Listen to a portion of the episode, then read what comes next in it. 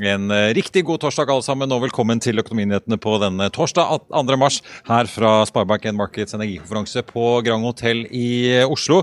Vi skal straks få med oss sjeføkonom Harald Magnus Andreassen for å høre litt eh, både om hva han tror om boligmarkedet, og også hvor høyt rentenivået kan eh, bli, når vi nå ser at den amerikanske statsgjelden handler da på en avkastning på over 4% som vi ikke har sett da siden november. Vi skal også snakke med sjefen i Horisont Energi, eller altså to selskaper får vi si, som satser på et comeback. Den ene er altså Horisont Energi, eh, som fikk seg et brutalt børsfall da Equinor og Vår Energi takket for seg i eh, Barents Blue-samarbeidet om en stor hydrogen- og ammoniakkfabrikk i Finnmark. Hvor går eh, veien videre nå, spør vi han litt senere. Vi skal også snakke med en canadier som heller ikke har tenkt å gi seg. I fjor opplevde jo Questair at myndighetene i Quebec sa bom stopp for all utvinning av olje og gass, og, satte får vi si, selskapet i en litt kinkig posisjon der de sitter med stort gassfunn. Nå er håpet at energikrisen eh, kanskje kan åpne en dør for å eksportere gassen som LNG til Europa. Mike Binion, eh, konsernsjefen i Questair, med oss litt senere, hvor han også da kan fortelle om at eh, plan B kanskje er å gi gass i Utah. Men først, la oss titte litt på markedet akkurat nå. Hovedindeksen i pluss fortsatt for måneden. Opp 0,6% nå etter oppgangen vi så, så i går. og Oppgangen i februar får vi si på nesten 4% Rundt oss i Europa ser det litt surere ut i dag. Eh, vi får også ta med at på Wall Street endte jo stort sett i rødt i går, med unntak da på Dow Jones-indeksen som endte så vidt i pluss. Futuresene i dag peker mot en ny nedgang for andre dag da på rad i eh, mars eh, måned. Oljeprisen svakt ned i spotmarkedet på nordsjøoljen til 84,31 nå, nesten ned 0,1% Den amerikanske lettoljen på 77,80.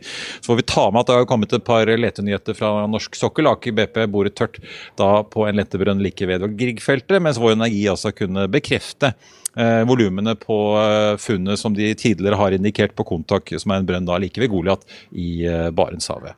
Noen eh, nyheter som det er verdt å merke seg i dag. Vi har jo fulgt med på Sikres Petroleum, nykommeren på Oslo Børs, som eh, hadde en sur dag i går, ned 7,5% etter nyheten om at Brasil eh, planlegger å innføre en midlertidig eksportavgift for oljenæringen på olje som da skal eksporteres ut av landet, i tillegg til en, andre, en del andre grep, som da kutt i drivstoffsubsidier. I dag er aksjen ned rundt 15% til. for for både de og BV Energy rammes av et eh, får vi si, brev som har kommet fra den nye Lula-regjeringen til Petrobras, hvor de ber om at det statlige oljeselskapet midlertidig stanser alle transaksjoner eh, om salg av eiendeler. Litt uklart hva effekten blir, men både BV Energy og Sikrest peker jo på at dette kan forsinke transaksjoner de har eh, gående så får vi jo si da at sikkerhetsaksjen er nå ned i 4, drøye 7 kroner aksjen. Det betyr at den da er ned drøye 20% fra børsnoteringen nå i slutten av februar. Selskapet har i tillegg innkalt til generalforsamling for å spleise aksjen for å få den over 10 kroner igjen i et to til ett bytteforhold. Så har vi også Hexagon Purus, eh, som da henter 1,3 milliarder kroner, får inn Mitsui, som spytter inn 800 av de, eh, i en finansieringsavtale hvor Mitsui også setter opp en total investeringsramme på 2 milliarder milliarder, gitt at da eh, Hexagon Purus når visse mål. Aksjen ned eh, nesten 14 i dag, men likevel da over emisjonskursen på 27 kroner. Den ligger nå på 28,5 omtrent. Konverteringskursen på obligasjonslånet som Mensui går inn med, eh, blir da på 33,70 med en fast rente på 6% Du kan gå inn og se intervjuet vårt. Vi hadde med sjefen i Hexagon Purus, Morten Holum, på Børsmorgen i morges. Hvis du går inn på feinos-tv, eller hvis du da søker oss opp som podkast på Spotify eller Apple. I tillegg så er det verdt å merke seg hva som skjer i Subsea 7 og Seaway 7. Begge er ute med kvartalstall i dag. Subsea 7 overrasker egentlig på oppsiden med kvartalstallene sine. Men uh, i tillegg til utbyttenyheten fra Subsea 7, så er det kanskje mest interessant at de vil da kjøpe spin-off-selskapet som de jo tok på børs for ikke så altfor lenge siden, som spesialiserer seg bl.a. på havvindinstallasjon. Nå vil de kjøpe opp igjen selskapet. Har fått da Arne Blystad bl.a. til å selge sine aksjer. Og Subsea 7 ønsker da å ta Seaway 7 av børs etter hvert. Utbytte eh, blir da fire kroner aksjen på Subsea 7-aksjonærene. Vi har sett to ganske forskjellige utslag i dag. Subsea 7 opp nesten 7 eh, mens da Seaway 7, som da ser ut til å bli kjøpt opp tatt av børs, ned rundt 12 i dag til 6,40. Vi skal få med oss Harald Magnus Andreassen er tilbake rett etter dette. Da har jeg fått eh, med meg Sparebank1 Markets uh, very own sjeføkonom Harald Magnus Andreassen. vi hadde jo en prat med Theodor Svein Nilsen om oljeaksjer litt tidligere i dag. Nå skal vi snakke litt makro. Skal vi begynne med boligmarkedet her hjemme? I morgen kommer det boligpristall fra Eiendom Norge. Obos-tallene tikket inn i går. Viste en oppgang på et par prosent fra januar til februar. Null sesongjustert. Ja, Etter ganske, de er jo litt volatile. etter ganske store fall i de to foregående månedene. Men jeg er ganske spent på din analyse. Hvor tror du boligmarkedet Det nå går? Det er jeg også spent på. Ja. Uh, alle ble overrasket over desember, hvor boligprisen steg litt. 0,2% Det var flatt i januar, altså sesongjustert. Uh, jeg tror det nå de fleste, og jeg gjør også, venter en oppgang i uh, februar, basert på at rapportene fra meglerbransjen var ganske gode. Og det er ingen tvil om at det eh, Når du tok bort den stresstesten, eller senket kravet, eller du kunne få låne mer, da. Var, vi hadde en margin på 5 prosentenheter, du måtte tåle renteoppgang. Det gikk til 3. Og dermed så var jubelen løs, og folk løp i banken og fikk større finansieringsbevis, og de bruker det nå sannsynligvis. Ja, for Vi har diskutert det. Hvor ille er egentlig fallet i nyboligsalget, som jo påvirker mange entreprenørbedrifter landet over. Det er en stor sektor i økonomien. Fjerde kvartal så ikke pent ut, hvis du står på tallene fra boligprodusentene. Men så hørte jo vi hadde jo besøk av BGs eh, Bengt Jonassen litt tidligere i uken, som sa de sitter og følger med på bl.a. Selvåg Bolig sine prosjektsider, hvor de da, da har en sånn teller, tydeligvis, en datamaskin som, som teller hver gang et, en, en seksjon i et prosjekt blir markert som solgt, og sier at det ser ikke ut til at boligsalget nå på nyåret er så ille. Og at kanskje da denne finansieringsendringen er en slags sånn Ja. pute i bunnen som Det det holder godt- ting litt oppe. Det er godt mulig. Jeg får en god idé da, for hva jeg skulle gjøre. Ja, ja. Følge. Eh, Jeg ser på hva boligprodusentene forteller. Og i januar, de tallene de fikk derfra, sesongjustert så lå de på eh, til- ja, 12 000-13 000, 14 000 og 12 000 i desember. Og det er nivåer Hvis vi oversetter det til eh, boligbyggingstallene for SSB, så ville det vært det laveste siden annen verdenskrig. Ja. Så øh, de tallene vi har på nybygg, på salget, har vært veldig dårlige. Så er det mulig at det, det er noe rart da, hvis ikke det skulle smitte over det vi nå ser på bruktmarkedet, til øh, nyboligmarkedet. Men øh, vi har jo noen foran oss. Vi skal kanskje snakke om det etterpå. Ja, ja, for vi må jo snakke om renter. Men Ja, om poenget er at uh, boligmarkedet en viktig del av norsk økonomi, og også da er åpenbart hvor mye aktivitet det er hos bygg- i bygg- og anleggsbransjen, er jo en viktig faktor inn i tillegg til oljenæringen. Når Ida Wolden Bakke og Norges Bank skal sitte og finne ut hvor mye koker det norsk økonomi, hvor hardt må vi trå til med renten for å få inflasjonen ned til mål igjen. Det er helt riktig, og vi vet jo av all erfaring i Norge som i andre land at boligmarkedet er den, eller boligbyggingen, boliginvesteringene, er en av de største svingfaktorene, ofte den tidligste. Det er der renteøkningene biter først. Og der vi får de største utslagene. Og skrekkelig ubehagelig for en næring som må da leve med disse opp- og nedturene. Vi har en fantastisk spennende makromåned eh, foran oss. Vi har rentemøter med full pengepolitisk rapport i Norges Bank. Vi har Federal Reserve som kommer med full eh, jeg på dot ja. nye prognoser. Vi har også ECB-møte. De kommer jo som perler på snor mot slutten av eh, måneden. Ja. Eh, men disse, vi- skal vi ta Norge, Norges Bank først? da, Vi har jo fått noen detaljhandelstall eh, som viste en oppgang i januar. Vi har hatt en KPI, altså en inflasjon fra SSB, som plutselig viste at vi var på 7 årsvekst igjen. Mm. Eh, og jeg ser flere makroøkonomer er nå ute og snakker om eh, Nå er det liksom ikke 3% Vi er jo nå på 2,75, ikke lenger 3. Nå snakker de om 3,25, 3,75 kanskje. Ja, Markedet var og snuste på 3,75, og flere økonomer har sagt det. Og jeg sier at det er heller ikke utenkelig. Nei. Og det som har skjedd gjennom februar men er det liksom mer fart enn det Norges Bank la ja, til grunn, tror du? Ja, det har vært hele veien. Veksten i økonomien har vært klart sterkere hele veien enn Norges Bank har lagt til grunn. Eh, De sysselsettingstallene vi har, er fortsatt veldig sterke på antall ansatte. Nav-ledigheten er ikke begynt å stige. Lønnsveksten ble mye høyere i fjor enn det vi trodde, og den blir ikke lavere enn vi håpte på i år, ser det ut til. Eh, Og kronekursen er svak. Eh, Og da boligmarkedet, boligprisene iallfall i minste, har vært sterke. Iallfall og mye sterkere enn det var ventet. Så summen legger vi sammen det til det renteregnskapet som Norges Bank lager, ja, så havner det fort opp på 3,75. Det er ikke noe problem i det hele tatt. Nei. Jeg tror Norges Bank vil ta det litt mer gradvis. Ja, for du tror Eh, ikke at de plutselig klinker til noe med et halvt prosentpoeng? Nei, det tror jeg ikke. Det Jeg tror, de jeg vil, jeg vil, 25. du bare, de kan bare fortsette lengre. Ja. Og holde den kanskje også høyere lengre, som er slagordet blant sentralbankfolk nå. Og- Men det er klart at vi har nå lagt bak oss, når vi ser rentemarkedet, som jeg holder på med, så har vi allerede tatt inn over oss det vi nå, i hvert fall per i dag, venter skal skje i mars måned. Så hvis ikke det skjer helt dramatiske ting fremover nå, så tror jeg vi har gjort unna Dette er det fjerde store rykket på rentene som vi har sett siden i fjor vår. Eh, og etter hvert sånn rykk, og det har vært omtrent på samme størrelse som nå, så det er ikke noe spektakulært det vi har sett egentlig. Det er mye, men vi har sett det før. Eh, så tar markedet som regel en liten og trekker pusten, og, og da vil normalt rentene kunne komme litt ned igjen. Men vi har havnet på et høyere og høyere nivå hver gang. Vi har gått, opp trapp, vi har gått mer opp enn gått ned. Ja. Og, og det skyldes jo at økonomiene i Norge som i utlandet har tålt renteøkningene, har tålt fall i kjøpekraft, energisjokket, langt bedre enn det de fleste ventet for tre, seks, ni måneder tilbake. Ja. Og Det er grunnen til at uh, sentralbankene da sannsynligvis kommer til å øke på ytterligere for å dempe aktiviteten i økonomien. I Norge som i andre land det er ikke åpenbart at uh, altså Alle er ikke enige i at de skulle gjøre det, men jeg er nok ganske overbevist om at Norges Bank kommer til å fortsette. Men ikke trampe i klaveret midt under lønnsoppgjøret. Nå, ja, ikke sant? Vi, eh, ja, nå får vi jo se om eh, Teknisk beregningsutvalg treffer i sin prognose på 4-8 på prisveksten i år. det, men jeg merket meg Kredinor. Nå kom SSB i går med tallene for da spareraten til oss nordmenn som har begynt å gå i minus. Eh, ja, men nå var det, må sies at det var et veldig spesielle forhold. for jeg vet ikke om du husker det, men Vi kjøpte bil. Vi kjøpte mye bil i desember for å få det over grensen før nyttår. Og i, november, og i, januar så falt bilsalget med 93 fra desember. Ja, men jeg så, så både Postletten i SSB, som leder seksjonen som regnet ja. dette her, og også Krednor-sjefen altså på Inkasso, var ute og snakket om at selv hvis du korrigerer for dette her, Nettopp, så er det negativ sparerate. Eh, vel, Det er litt avhengig av hvordan du regner på det. Det tviler jeg faktisk på at det var negativ. Eh, sa Sletten også, da burde jeg høre på han, for han, han kan tallene. Eh, men jeg tror vi kommer tilbake til en positiv sparate, iallfall i første kvartal. Ja. Men det har trendet ned. og Det betyr at nå husholdningene har tæret på det de sparte opp under pandemien, og da er mindre å gå på. Og det er klart at Storyen på renten i Norge kan jo godt være at selv med den renten vi har kommet opp på nå, så vil de langsiktige effektene av den være mer enn tilstrekkelig til å, å, holde rimelig kontroll i Norge. Og Det er sånn å si at det er mye inflasjon selvfølgelig som kommer fra utlandet, som kommer fra energiprisene, og som ikke Norges Bank overhodet kan påvirke.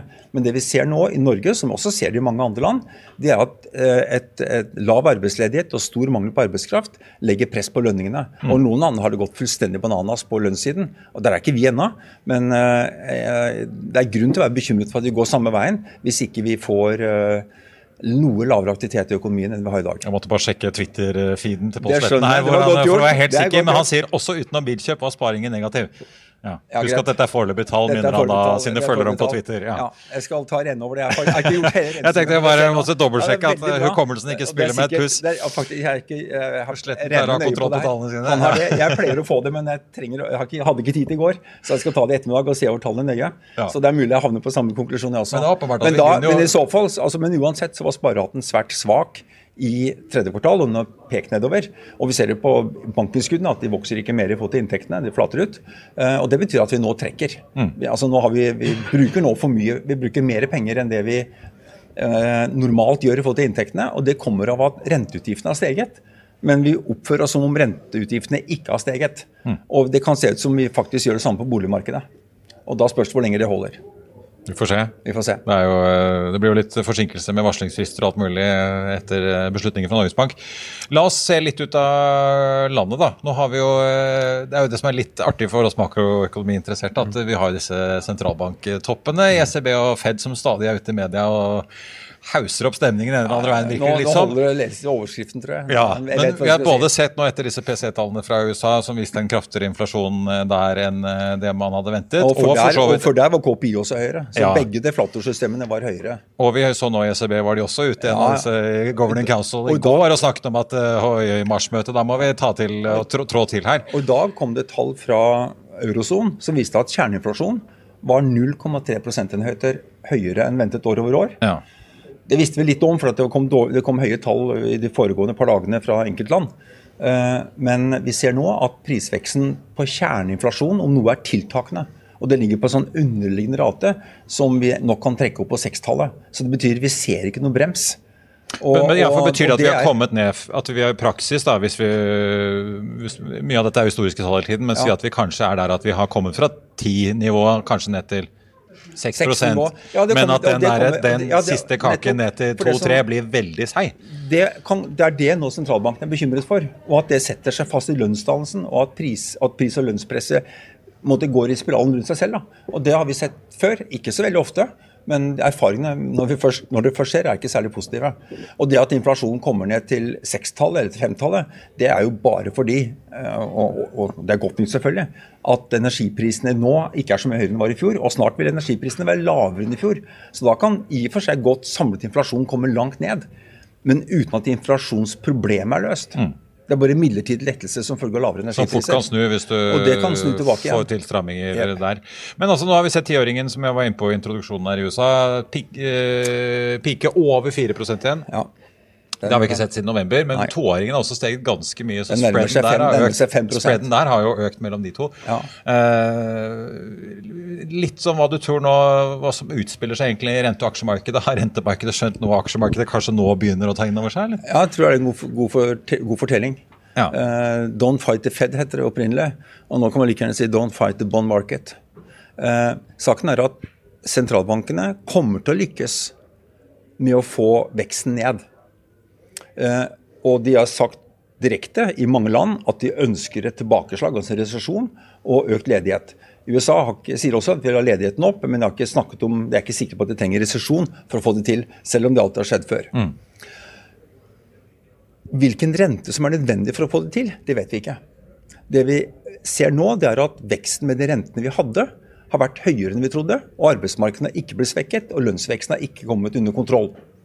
Og Da må vi bare ta et knepp til, og det er det rentemarkedet da priset inn gjennom februar, med en renteøkning på ca. kvart prosentpoeng over hele fjøla. Og da Og da, om, og da tipper jeg på at det blir nok, men det betyr da i så fall at veksten blir lavere, inntjeningen blir svakere. Multiplen er ikke sånn at du er lett å tro på økte multipler på aksjemarkedet. Eh, Og da er problemet at inntjeningen går ned uten at du og Da kan det godt hende at rentene etterpå kommer noe ned igjen, men markedene er ikke spesielt billige i utgangspunktet. Og med svakere inntjening blir det, vil det se dyrere ut. Ja, for til slutt da, fjor var jo en katastrofe for den tradisjonelle 60-40-porteføljen. Mm. Aksjer fikk kjørt seg, obligasjoner eh, Og- og- fikk kjørt seg, i hvert fall for de som Ja, det eh, kommer- ikke, ikke kom seg over i flyttende rentepapirer, Ja, og hvor det- du fikk og- litt mildnet effekten. Og det kommer til å være inflasjon og inflasjonsangsten og behovet for kamp mot inflasjon som kjørte rentene. Og det var sånn det var i gamle dager. Når rentene steg da, så var det negativt for aksjer. Fordi inflasjonen var driveren. Vi har vært vant med renteøkninger i mellomtiden, altså fra slutten av 80-tallet og frem til i dag, som, hvor, hvor rentene har vært Eller slutten av 90-tallet iallfall. Eh, hvor rentene har vært drevet av variasjoner i vekstutsiktene. Og da stiger rentene, da, så er det ikke så farlig. Faller rentene, så er det faktisk verre for aksjer, fordi at det innebærer svakere vekst. Men nå er vi i en situasjon hvor det er inflasjon som er driveren, og da er ikke renteøkning positivt i det hele tatt. Tror du som Jamie Diamond, JP Morgan-sjefen, at eh, Fed skal opp på sekstallet på renten? Ja, det. Det, det å si det, sant? Nå ligger forventningen nesten 5,5 Ja. i USA. Og det er ikke mange ukene siden, altså ved starten på februar var det vel, da var den nede på eh, 4,90. Fra 4,90 til 5,5. Det har skjedd på fire uker. Mm.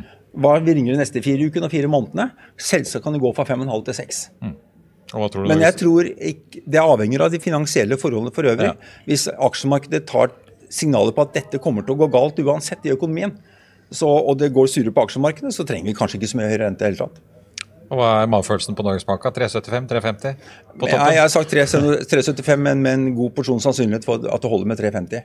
Men det viktigste nå det er at Norges Bank trenger ikke å stresse så fælt. De kan ta det på kvartalsmøtene og se hvor lenge de trenger å holde på. Jeg tror vi får kontroll, og jeg tror også i og for seg at eh, frontfaget skal få sjansen til å, å, å bidra, og se om de klarer å holde, holde lønnsveksten noenlunde på plass. sitt. Ja, vi får ønske LO-lederen og NHO-lederen lykke til i forhandlingene, som Ja, det heter i vårens vakreste eventyr. Men det gikk ikke helt bra i fjor. Nei. Nei. Det ble litt etterslep. Uh, Harald Magnus Andreassen, sjeføkonomist Sparebank Markets, tusen takk for at du var uh, med oss. Vi skal uh, straks få med oss Hyggelig at dere er på konferansen. Ja, si. Takk for invitasjonen, får jeg si. Det er jo masse kjentfolk her. Vi skal straks få med oss sjefen i Horisont Energi er tilbake rett etter dette.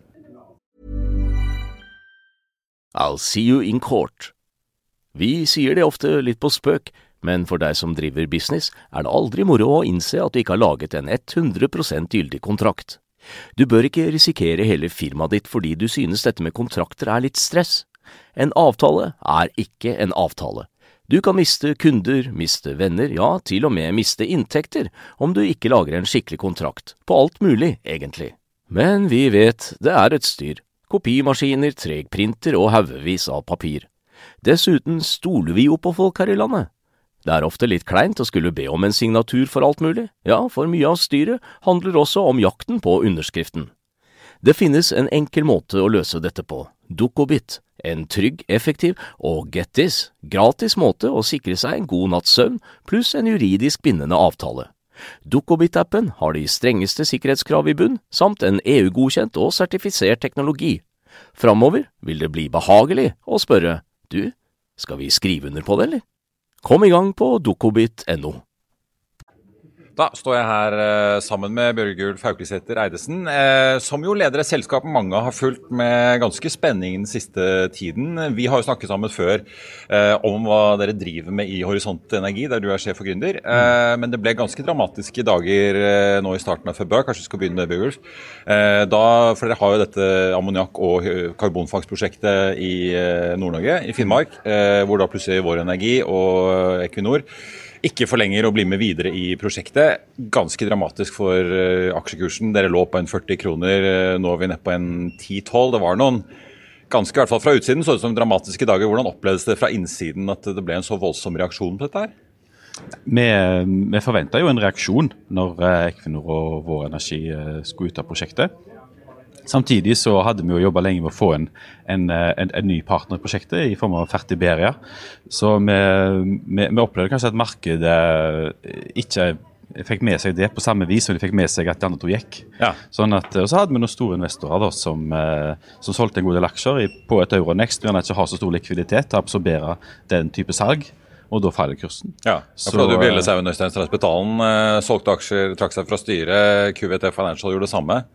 Ja, ja, nei da, QVT hadde jo en observatør, så klart at uh, for dem ble det jo naturlig å trekke seg når de, når de på en måte begynte å selge. da. Ja. Uh, og, og, Øystein uh, selvfølgelig tok konsekvensen av at han også solgte. Ja. Så, og han har jo vært styremedlem i selskapet siden ja, begynnelsen av 21. Du, eh, så hadde dere jo en prestasjon. Eh, aksjen falt jo kraftig to dager eh, på rad. Eh, vet ikke om du nå håper at bunnen er nådd. Eh, men jeg er litt interessert i å høre hva, liksom, hvis man nå ser, vurderer å gå inn som investor i Horisont Energi, hvor er det selskapet står nå, og hva er det man egentlig da får? Så tenkte jeg kanskje Vi, skulle, vi skal komme ja. til karbonfangstprosjektet deres i, i Nordsjøen og i Sør-Norge, eh, opp mot Tyskland. Men la oss fortsette litt på Finnmark. Eh, fordi nå som Vår Energi og Equinor er ute, så har dere fått den spanske Fertiberia, en ammoniakkprodusent. Hvem er de egentlig? Det har jo vært viktig for oss å få inn et industrielt ammoniakkselskap i prosjektet. og Når vi ville ha et selskap, så ville vi ha et selskap som var ledende innen grønn ammoniakk. Og det har vi fått med oss bedre, som nok er det ledende grønne ammoniakkselskapet i verden i dag. Som har eh, det første store grønne ammoniakkanlegget i drift og eh, selger grønn ammoniakk. Og har jo 14 eh, ammoniakkanlegg totalt i drift. Har drifta i 50 år. Har mye, mye erfaring og kompetanse. 1600 ansatte. Eh, er det ammoniakkselskapet i, den, i bransjen da, som har den mest aggressive grønne eh, energitransisjonsstrategien med karbonnøytrale i 2035. Så Dette er et selskap som, som satser på grønt. De har også fire-fem store grønne ammoniakkprosjekter i utvikling. Blant ja, for De bruker mye naturgass i dag, sånn som Yara gjør, og andre de, som lager ammoniakk. Ja. De bruker naturgass i dag eh, og skal avkarbonisere, og vil kunne ta offtake OI fra Barents Blue til å avkarbonisere sin gjødselproduksjon da, i Spania eller Iberia generelt. Så vi har fått inn en partner som bringer det prosjektet mangler. Det var jo den driftskompetansen fra ammoniakksida og den kommersielle driftskompetansen i, i ammoniakkjeden. Og, og selvfølgelig det grønne fokuset. Du skal jo da ta naturgass uh, inn på Barents Blue, lage ammoniakk, lagre CO2-en i havet. Jeg vet du leter etter en ny partner uh, på da, lagringsdelen av dette her ute i Barentshavet, kalt. Polaris. Mm. Men litt om prosjektet. Jeg leste meldingen fra Vår Energi. Det virker som de skriver at dette, altså, Barents Blue blir for lite til å ta unna all uh, gassen, faller det litt mellom to stoler? Er det, liksom, er det, litt for stort å være et slags pilot eller sånn første prosjekt, men litt for lite til å bli en sånn ordentlig gassluker i, i Barentshavet? Eh, du kan si at uh, kanskje både òg. Altså fordi at det eneste feltet der oppe som kan fylle opp Barents Blue i 25 år, det er Snøhvit. Ja. For det kreves jo ganske mye gass. Men det i dag går LNG ut fra ja, Melkøya? Ja. fra Melkøya, stemmer. Så, så, vi vil øke produksjonen av gass på Melkøya med rundt 15 Eh, og fylle det opp da i over 20-25 år. Og Det er jo rundt en milliard sånne kubikk i året som går på hvert uh, tog. Og, og, du kan si De feltene som er under utvikling i Barentshavet, uh, de, de, de går, har en kort, kort, platå, og så går de ned. Så De klarer ikke å fylle opp et ammoniakkanlegg. Så de trenger litt andre typer løsninger for å kunne levere for det gassen sin. Så Det passer ikke så godt inn i ammoniakkanlegget. Det er mer Snøhvit har en gassløsning, har mulighet til å levere mer gass og har nok gass til å kunne fylle opp Barents Blue. Så det passer bedre inn mot Snøhvit. Men Equinor selger vel ikke dette som veldedighet? De skal vel ha markedspris for denne gassen, vil jeg tro. Blir ikke det da egentlig Ja, du sparer selvfølgelig LNG-biten av eh, kostnadsbildet deres som de i dag har på melka, men likevel, eh, du har jo et eh, marked i Europa lenger ned som er ganske sultne på LNG om dagen, og virker å være det i ganske mange år når man nå skal fri seg fra russisk gassimport? Ja, altså Du vil jo betale kan du si, markedspris i Hammerfest, for å si det på den måten. Ja. Så mm, du vil jo ha ulike effekter av å selge gass til Barents Blue. Den ene er jo selvfølgelig å få avkarbonisert gassen din. Du går inn i en karbonnøytral kjede, så du får all eksponering mot uh, framtidige kan man si, CO2-skatter. og Ja, Du slipper. CO2-pris og og LNG-konvertering, da. Ja, det gjør du. Og så får du, er det jo et, du flytter jo gass fram i tid. Istedenfor å produsere den senere eh, gjennom LNG-anlegget, så kan du produsere den eh, si, om noen få år da, når vi starter opp. Sånn at du har en tidseffekt i tillegg. Så du har ulike effekter da, som, som gjør at dette kan være interessant for uh, gasselgere. Ja. Ja, for jeg ser i meldingen Equinor er fortsatt åpne for å selge gass til deg, selv om ikke de skal være med. Men da er det det som er på en måte plan A, da, for å si det sånn. Det, det er jo det, og det er jo ulike selgere av gass på Melkøya. Vi har jo eh, fem eh, partnere i lisensen, og alle fem er jo aktuelle da, som gasselgere til prosjektet. Ja. Eh, så da får vi se om dere blir enige om en eh, gassavtale eh, med partnerne der. La oss snakke om Erai, dette karbonfangstprosjektet som jo er det Hvis vi kan si i horisontologi, så har dere to store løp. Det er da Berens Blue, og så er det Erai, som da er karbonfangstprosjektet hvor dere for ikke så lenge siden annonserte at dere sammen med E.ON, eh, tyske E.ON, energiselskapet, og da Neptun, som også er med på dette her, eh, slår dere sammen. Eh, Vi har jo Northern Lights, og det er ikke noe uttalt selvdrevne prosjektet. Men tror dere at dere kommer i mål som det første kommersielle prosjektet? Vi har sett kvoteprisen i EU stige over 100 euro. Vi har sett kvoteprisen i EU, og det er klart, det vi ser i det markedet, er jo en veldig økende etterspørsel etter lagring. Og Det er flere og flere fangstprosjekter. og Alle felles for det er at de trenger lagring for å, for å gjøre det meningsfullt å fange CO2. Og det ser vi jo på kundemassen, den, den økende. Vi ser også at eh, med et storskalaprosjekt sånn som vi etablerer her, så er vi veldig interessante i dette markedet. Eh, Og vi, vi utvikler jo et prosjekt som du sier, som kommer egentlig i kjølvannet av Northern Lights. Det vil jo operere sitt anlegg før vi kommer fra operasjon, men vi kommer rett bak dem. Og vi vil vi kommer med mye kapasitet i tillegg til den som de tilbyr i markedet. Så vi ser at markedet har et stort behov for. Det eh, vi ser jo i dag et stort underskudd på lagring kontra fangst. Ja. Men uh, dere har jo et prosjekt i Nederland, òg, men skal, det skal CO2-en skipes inn til Norge, eller? Det blir sånn i, eh, i ganske lang periode nå at Ja. det vil bli skipa. Og utvikling av, av skipstransport for CO2 er en stor greie allerede. Er mange redere som jobber med dette. Og det kommer til å komme mye sånne type skip i forbindelse med alle de prosjektene som er under utvikling. Men vi er nå blant de første, sammen med Northern Lights, ute i markedet. Og sammen med E.ON eh, og Neptun får etablert en full verdikjede. Og der, der vi da knytter oss til ulike kan si, huber for CO2 på kontinentet, deriblant Rotterdam, der det vil være en stor aggregering av CO2. Men noen andre, andre huber, både i Skandinavia og på kontinentet. Har du nok penger til å holde på med alt dette her inntil videre? Jeg så i regnskapet i hvert fall fra tredje kvartal, så har du en drøye 400 millioner igjen i kontantbeholdning. Mm. Så kommer dere med regnskapet først og samme årsrapporten, skjønner jeg, i, eh, senere i april. I april, ja. Men eh, hvordan ser finansieringsbehovet ut eh, fremover? Altså, Nå har vi midler til å løfte disse prosjektene her, ta de fram til investeringsbeslutning med de planene som foreligger. Og Da kan du si at Neste skritt for oss blir jo prosjektfinansiering, og da hente kapital i forbindelse med først å finansiere RAI-prosjektet. Og når når kan, Er det noe som kan skje Nei, i i, år, av- neste år en gang? I slutten av Q1 så skal jo dette eh, planlegge med investeringsbeslutning. Så det må skje i forkant av det. Så jeg vil si eh, nå mot slutten av året eller begynnelsen av neste år, så vil vi da eh, typisk ha, ha en emisjon for å hente noe i egenkapitalen som vi trenger. Og så er det jo da lån og infrastrukturkapital som skal utgjøre da den totale investerings... Og kort til slutt, Vi har hørt veldig mange snakke om Inflation Reduction Act og hvordan de flokker, flokker seg til USA, inkludert kanskje med Freyr i spissen eh, får vi si, på batterisiden. Noen planer om å smelle opp et kontor i USA med det første? de, de har jo fått uh, rammebetingelser som er fantastisk gode. Uh, så klart at eh, med det som vi nå har gjort gjennom de to siste to og halvt årene, utvikla et standard ammoniakkanlegg, eh, passer perfekt inn i, eh, i en amerikansk setting. Eh, sånn at det er noe som vi jo, vi må vurdere, da, eh, om det vil være muligheter. Men nå fokuserer vi på å levere Barents Blue og få det i drift. Eh, fokuserer kun på tog 1 nå i første omgang, framfor Tiberia. Og når vi har fått det i drift og fått det etablert, så får vi kanskje se på å realisere eller skalere opp basert på teknologien andre steder. Men nå er det Barents Blue og Rei som er i fokus. Bjørgulf Haukliseth Reidesen i Horisont Energi, takk for at du var med oss. Takk for det. Da har vi fått med nok en deltaker her på konferansen hos Sparbank Markets, og jeg må bytte til eh, engelsk og si uh, welcome to CEO and Coaster Mike Binion. Well, it's nice to be back here after after a few years. Good to see you. Uh, a lot of people have been following your company who's had a struggle for the past decade, I could uh, say, and it sort of culminated last year with the uh, oil and gas uh, exploration and production ban in uh, Quebec that was passed back in uh, April, which has put you and some of your competitors in a, in a pickle, I guess you can call it. Right. Yeah, well, this has, of course, been, as I say to people, I always thought my entire career finding a giant gas field would be the hard part. And of course, it's turned out that producing it is even harder, and we've, we've learned that well. And we've been working hard for the last, it is almost, as you say, almost a decade on the politics in Quebec. It's certainly not always logical, but we see a ray of sunshine again. Uh, we'll get to the other parts of your business in a little while, but let's just uh, stay on Quebec for a little while because uh, you have big gas reserves there, like you talked about. Uh, you can't get to it. Uh, but it seems like you're here now in Oslo with a potential comeback story that you're trying to get this exported gas from Quebec uh, through to Europe now as LNG instead. Right. Well, the the opportunity is both is both domestically and internationally.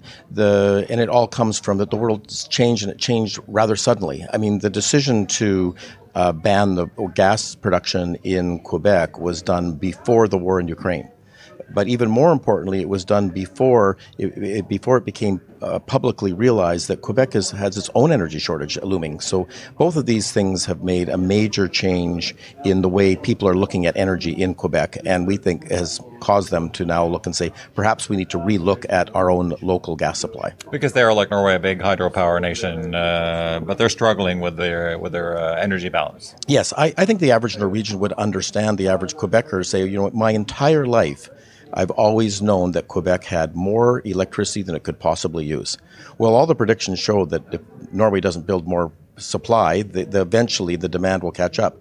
But this has already happened in Quebec. But there's a there's a sense in Quebec of um, uh, cognitive dissonance. How could this actually happen? So, but but clearly it is, and the, the it's it's right now uh, increasing blackout problems in Quebec. Uh, clearly, a decision to stop the crypto business was made. There's a new bill coming in telling Quebecers they have to keep their house at 19 degrees because they don't have enough electricity to heat homes anymore. So all of these things are making it a reality for Quebecers, and I think the idea that they would run out of energy is not a solution that people are looking for, and that's why the government I think is now looking at re looking at its options. One of those options being local natural gas. For potential investors, this is obviously a, a gamble uh, that things could turn around in Quebec, uh, and you could actually make a big business out of this. Uh, obviously, with some risks associated with this, given that you're sort of dependent on politicians.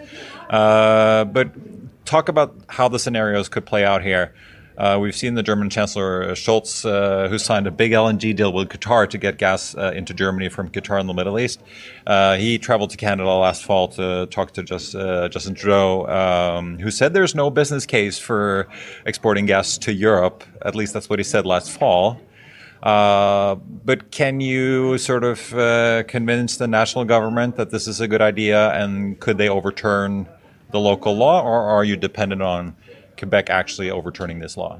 Yes, in Canada, resources belong to the province. And this is one of the messages. Our, our chairman, Bjorn Inge has been over in Canada talking to different embassies. And one of the messages has been if you really want to get gas from Quebec, the, the person in charge is the Premier of Quebec and the Prime Minister of Canada doesn't. It's not his gas; it's Quebec's gas. So I think that's one one of our messages. If, if, if Europe wants that gas, then the guy who's in charge is is pre- don't visit Premier, Trudeau. You got to Premier visit uh, exactly the PM in uh, Quebec. Uh, and, the, yeah. the other thing to give to give Prime Minister Trudeau some credit, he did go on to say, "Well, I do understand that there's been a war in Ukraine, and this could be changing the business case." Yeah. So he did at least uh, he did at least realize that as the world changes, the economics can change. Uh, I, I, would have argued there was a business case even before, but even the prime minister acknowledged there could be a business case now. Well, in fact, I think it's obvious there is a business case now. We've seen European players, not only Germany but also Portugal, sign big LNG deals now with American act, uh, American suppliers, yeah, yeah. Uh, suppliers in the Middle East. Have you had any uh, contact, given your large gas reserves that you're actually sitting on? Uh, from people who are sort of mapping out could there be resources that uh, could be purchased? Sure. Yeah, well, I mean, two things. One is I mentioned our chairman's been over in Canada talking to different embassies, and, and we're and we are trying to make these connections with different governments about the the option for gas directly from Quebec. The other thing that, that is not it's, it's not it's not easy easy to see, but um, because on a on a globe or on a map, it looks like Qatar and Hamburg are pretty close, and it looks like Quebec is pretty far. But if you actually measure it out In nautical miles? in nautical miles, Quebec City is one half of the distance to Hamburg as Qatar, one half. And all these uh, LNG exports. So you see Canada exporting gas down to the United States. They then liquefy it and ship it all the way back up to Europe. But they're one and a half times further from Hamburg than Quebec. So there, there, there's a logic. Pro- there's a, definitely an efficiency and logic problem happening. Um, right now, and all logic definitely dictates that we should be shipping the gas from where from the closest shipping point. Now, of course, politics is not always logical, as we know. Uh, many Norwegians have followed uh, Equinor's activities in Canada offshore, where they're uh, developing the Beta Nord discovery. Uh, how come that seems to be going ahead just fine while you're getting a ban on your gas reserves onshore? Well, in, as I mentioned in Canada, the, the, the, owner is the province. Uh, the federal government does not own the resources. In the case of Newfoundland, uh, the federal government has agreed that Newfoundland owns its onshore and offshore resources, and so that's the decision of Newfoundland. Newfoundland is a very pro oil and gas province, much like Alberta is, much like Saskatchewan is, even British Columbia generally pro oil and gas. Uh, Quebec is uh, is a place uh, that is that has been anti fossil fuels uh, for for some time. Although, as I said, as they realize that they're out of electricity, uh, I think our option of a clean gas approach, and I, I think the last time I was talking to you, we were talking about this idea of capturing and sequestering and recycling the carbon to make a zero emissions gas project in Quebec. So this this idea of an environmentally friendly approach to producing gas, I think the door's open to it again in Quebec, uh, and I think people are now willing to listen uh, carefully, say, okay, is that actually possible? I think Norwegians do know it's possible because we've been hearing from Norwegians for some time that you know local gas from Norway can be a clean uh, alternative in Europe. And a carbon capture solution instead of LNG, where you produce green hydrogen or ammonia instead, could be an alternative. Sure, produce the ammonia. Yeah. Um, the, there's, I, I think what I think what Quebec's going to find is that there's going to be more than enough demand for that gas in Quebec. But uh, the option of being able to help our allies and, and friends in Europe, I think, is something that might make it more politically uh, politically acceptable as well. Lastly, let's talk about your other business, uh, especially if, if uh, Quebec doesn't come through. Uh, you got to do something else, right? Uh, You have other production today that gives you uh, cash flow. Right. Uh, does that mean you won't need any financing to keep the company running? Yes, well, I have to tell you, uh, you know, thirty dollar oil prices and a COVID crisis, uh, you know, pandemic crisis has taught everybody in the oil and gas industry a lesson, including Questair. Uh, we we like to live within our cash flow now, and we are. So we have positive cash flow last year, be close to twenty five million. We have. $20 million built up cash in the bank. We've paid off all of our debt. We still have our bank lines, but unutilized. And we certainly plan to drill within cash flow going forward. Uh, and I think that's something that gets a bit overshadowed. Uh, the potential of 20 TCF of gas or, you know, three or four billion BOEs of barrels of oil equivalent of gas in Quebec overshadows the fact that we're, you know, we, we You're produce, producing elsewhere in we- Canada. We, produce Yeah. every day. We're making money every day. And also we have other projects. We, we have a project in Utah, uh, two projects in Utah, and we think we're seeing a big, you know, I guess as the world changes, very difficult projects perhaps uh, a few years ago. Now with the Inflation Reduction Act and the idea that the United States needs to be uh, energy independent and, uh, and strategically autonomous, all of a sudden that project looks very good. So, uh, just to wrap up, if I call uh, Quebec a gamble, that's sort of binary. It could be something or could could not be something in the future. Uh, what you're left with then, you have about 1,600 barrels a day production now. Right. Uh, I read. Where could Quacer be beyond Que- Quebec, given Sure. your project in Utah and elsewhere in Canada and the U.S.? Uh, could you? How much of a growth could you see? Right. So, so uh, first of all, in Quebec, it's not binary zero or something because the government has offered compensation. We don't. Which we, you're still working on. Which Yeah. We, so so while the door has opened again, all options are on the table for energy again in Quebec due to external macro changes. Uh, if the door were to be closed again, there still is the offer of compensation, Yeah. which you know we don't. We think they've offered too little, and but but who doesn't think they're always being offered yeah, too little? but that'll give you some, Yeah, some so- capital so- injection that you could use. Right. So Que- Quebec is something. it- It's something, or it's something very big, but it's not nothing. Um, and then, as you said, we have uh, we have a, a shale. A shale project in Utah, and we have another one in Jordan. Uh, the one in Utah is now benefiting from the Inflation Reduction Act. It's gone from a project that was probably difficult to permit um, because of emissions, et cetera. Uh, now with the Inflation Reduction Act, the government's actually going to pay us a subsidy to develop it. That's how much it's changed from, you know, hard to permit to the government's going to pay us to do it. Mm. But in pure numbers, could you? How many barrels could you increase? Uh, you yeah, so we have a we have a forty two percent interest. We're Mm. the we're the manage we're the managing operator of the project, but we have a forty two percent interest, and it's almost a billion barrels of oil shale oil shale in in uh, in Utah, which, as I said, has gone from a bit of a project say could be challenging to get this project developed uh, to we think we can get it developed you, you, using the same ideas that we developed in Quebec. The the one thing I think that when I was talking to you last time is we were talking about the idea of a circular economy where we produce the gas, but we will take the CO2 back and we'll either recycle it into products or we'll uh, sequester it under the ground. And it's been interesting here in Norway to see how many companies are in this space now, right? So familiar to Norwegians. Uh, that same concept we're bringing to Utah, and, and that benefits very much from the Inflation Reduction Act. We're certainly hopeful it'll be persuasive in Quebec. In the United States, the government's already persuaded. Mike Binion, CEO of uh, Quaestor, thank you for joining us, and it'll be interesting to follow uh, how if the tables turn in uh, Quebec or not. Yeah, thank you so much. Bye bye.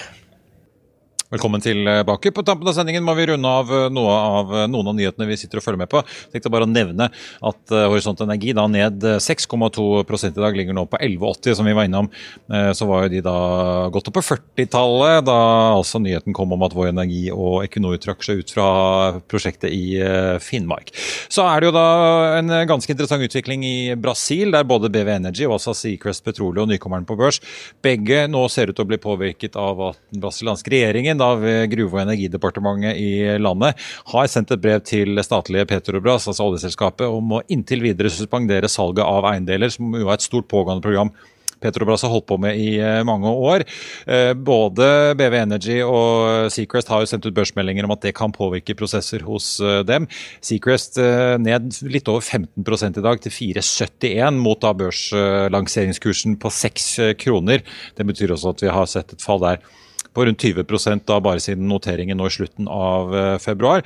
Og så har vi BV Energy da, hvor det er to transaksjoner ifølge BV Energy som nå kan bli forsinket. Den aksjen er ned 4,5 i dag til 27,80. Det er da Golfino og Kamarupim-lisensene som de annonserte i fjor sommer at de skulle kjøpe seg inn i da, som, hvor de nå har fått et brev fra da Petrobras om at her kan ting bli satt på vent. Begge selskapene lover for øvrig å komme tilbake med mer informasjon når de vet det. Ellers i dag, Hexagon Purus, en av de store snakkisene får vi si, da, etter at selskapet annonserte en total kapitalinnhenting på 1,3 milliarder kroner, hvorav da 500 millioner er i en emisjon til 27 kroner aksjen. De siste 800 i et konvertibelt lån.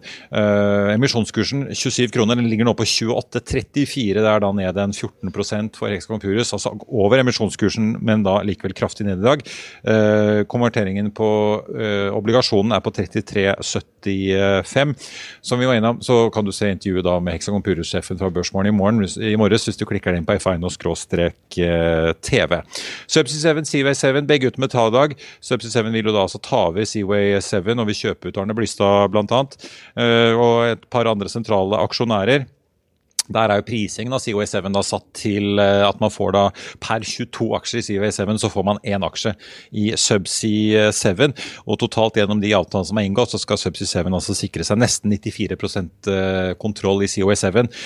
Som de jo spant ut for ikke altfor lenge siden, får vi jo si. Og de vil nå ta det av børs igjen. Og så vil det da komme et frivillig tilbud fra Subsea 7 før de eventuelt da går til det skritt å tvangsinnløse de siste aksjonærene for å ta Seaway 7 av børs. Vi får jo bare ta med det da, at tilbudet fra Subsea 7 priser jo da Seaway 7 til 6,15 per aksje. Aksjen er ned nesten 12 i dag til 6,36, og fortsatt da litt over budkursen. Den budkursen for så vidt er jo da basert på at Subsea 7 lå i går på 135,30.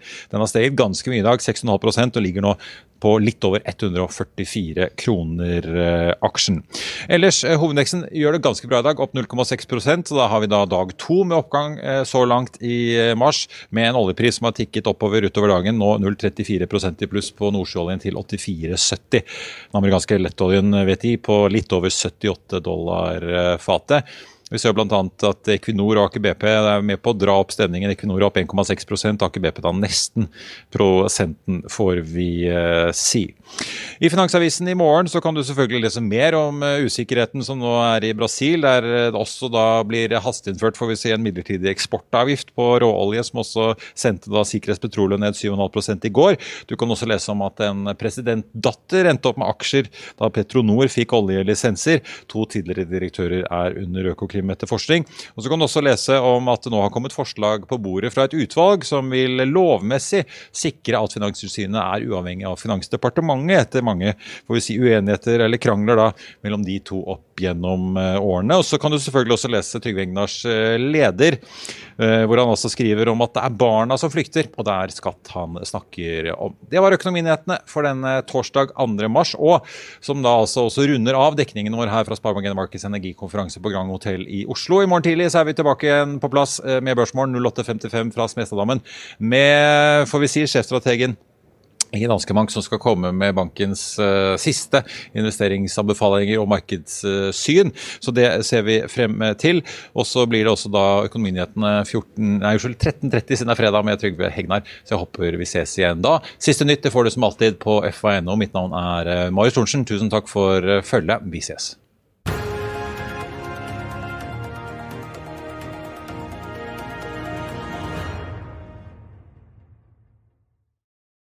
Økonominyhetene er en podkast fra Finansavisen. Programledere er Marius Lorentzen, Stein Ove Haugen og Benedikte Storm Bamvik. Produsenter er Lars Brenden Skram og Bashar Johar.